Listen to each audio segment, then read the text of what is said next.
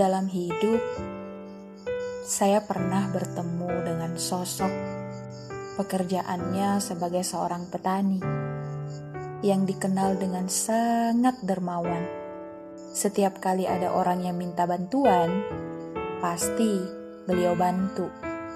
Dan gak cuman itu, beliau juga turut andil dalam pembangunan masjid, musola, jembatan, air, jalan, biaya operasional panti asuhan, pembuatan sumber air di desa tersebut, dan lain-lain. Pokoknya, gak ragu-ragu deh buat sedekah. Nah, terus saya penasaran kan, kok bisa sih orang itu sedermawan ini? Apa rahasianya ya? Tanyaku.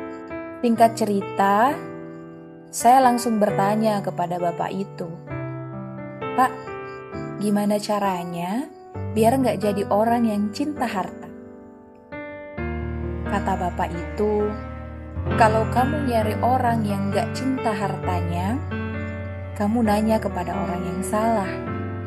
Karena ini rumah orang yang sangat mencintai harta.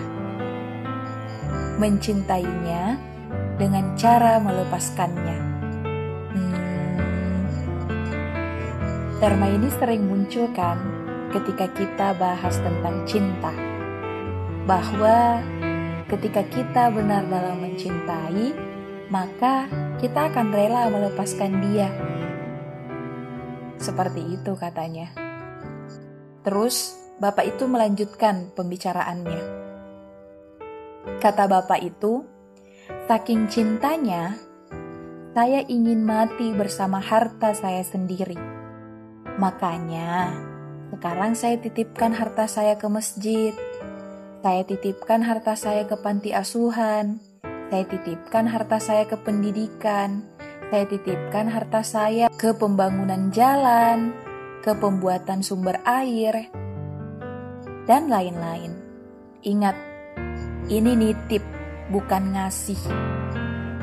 Karena saya yakin ini bisa saya tagih di akhirat nanti di hadapan Allah. Dengan kebaikan berkali-kali lipat tentunya. Keren kan? Keren banget ya sebuah persepsi terhadap harta bisa punya dampak sebesar itu. Dan ternyata, harta yang kita capek-capek kumpulin itu, kalau cuman disimpan doang mah rugi, ya kan? Gak akan bisa diklaim di akhirat.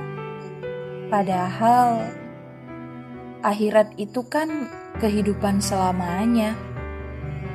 Sedangkan dunia mah sementara doang, sekedar mampir jadi, yuk kita belajar mencintai harta kita dengan banyak bersedekah.